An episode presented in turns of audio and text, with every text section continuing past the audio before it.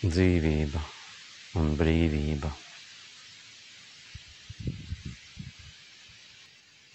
Mēs vienmēr pieredzam dzīvību. Bet, lai dzīvība varētu plaukt, viņai ir vajadzīga brīvība. Bez brīvības dzīvība nīkst.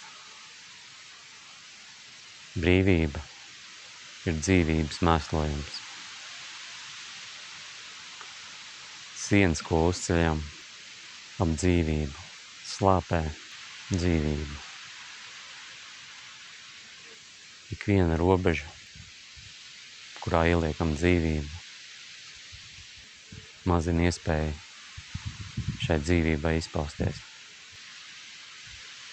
Mēs ierobežojam, ir kāda dzīvība mūsu noteiktā formā, tad viņi pieredz šo ierobežojumu, viņi pieredz šo formu. Bet ja mēs paļautos un ļaut dzīvībai plūst, kur viņi vēlas, mēs pieredzētu dzīves mistēriju. Mums vienmēr ir savi dabīgie ierobežojumi, kā dzīvībai. Ja mēs paskatāmies dabā, neviena no dzīvības formām nevar eksponenciāli izvērsties un kļūt par apspiedēju pārējiem.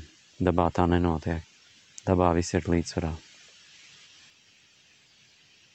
Ja rodās kaitēkļi kaut kādai vienai formai, tad dzimst tie, kas atbrīvo no šiem kaitēkļiem. Dabā šī spēle norisinās dabīgi. Cilvēku pasaulē šis dabiskums ar katru noieto gadsimtu samazinās. Mēs esam nomainījuši pļavas pret bruģiem, elpojoši koku mājas pret mājām, kurās nav dzīvības plūsmas, kuras tiek ventilētas ar kārtējiem mākslīgiem izgudrojumiem. Mēs esam noteikuši, kā dzīvībai attīstīties.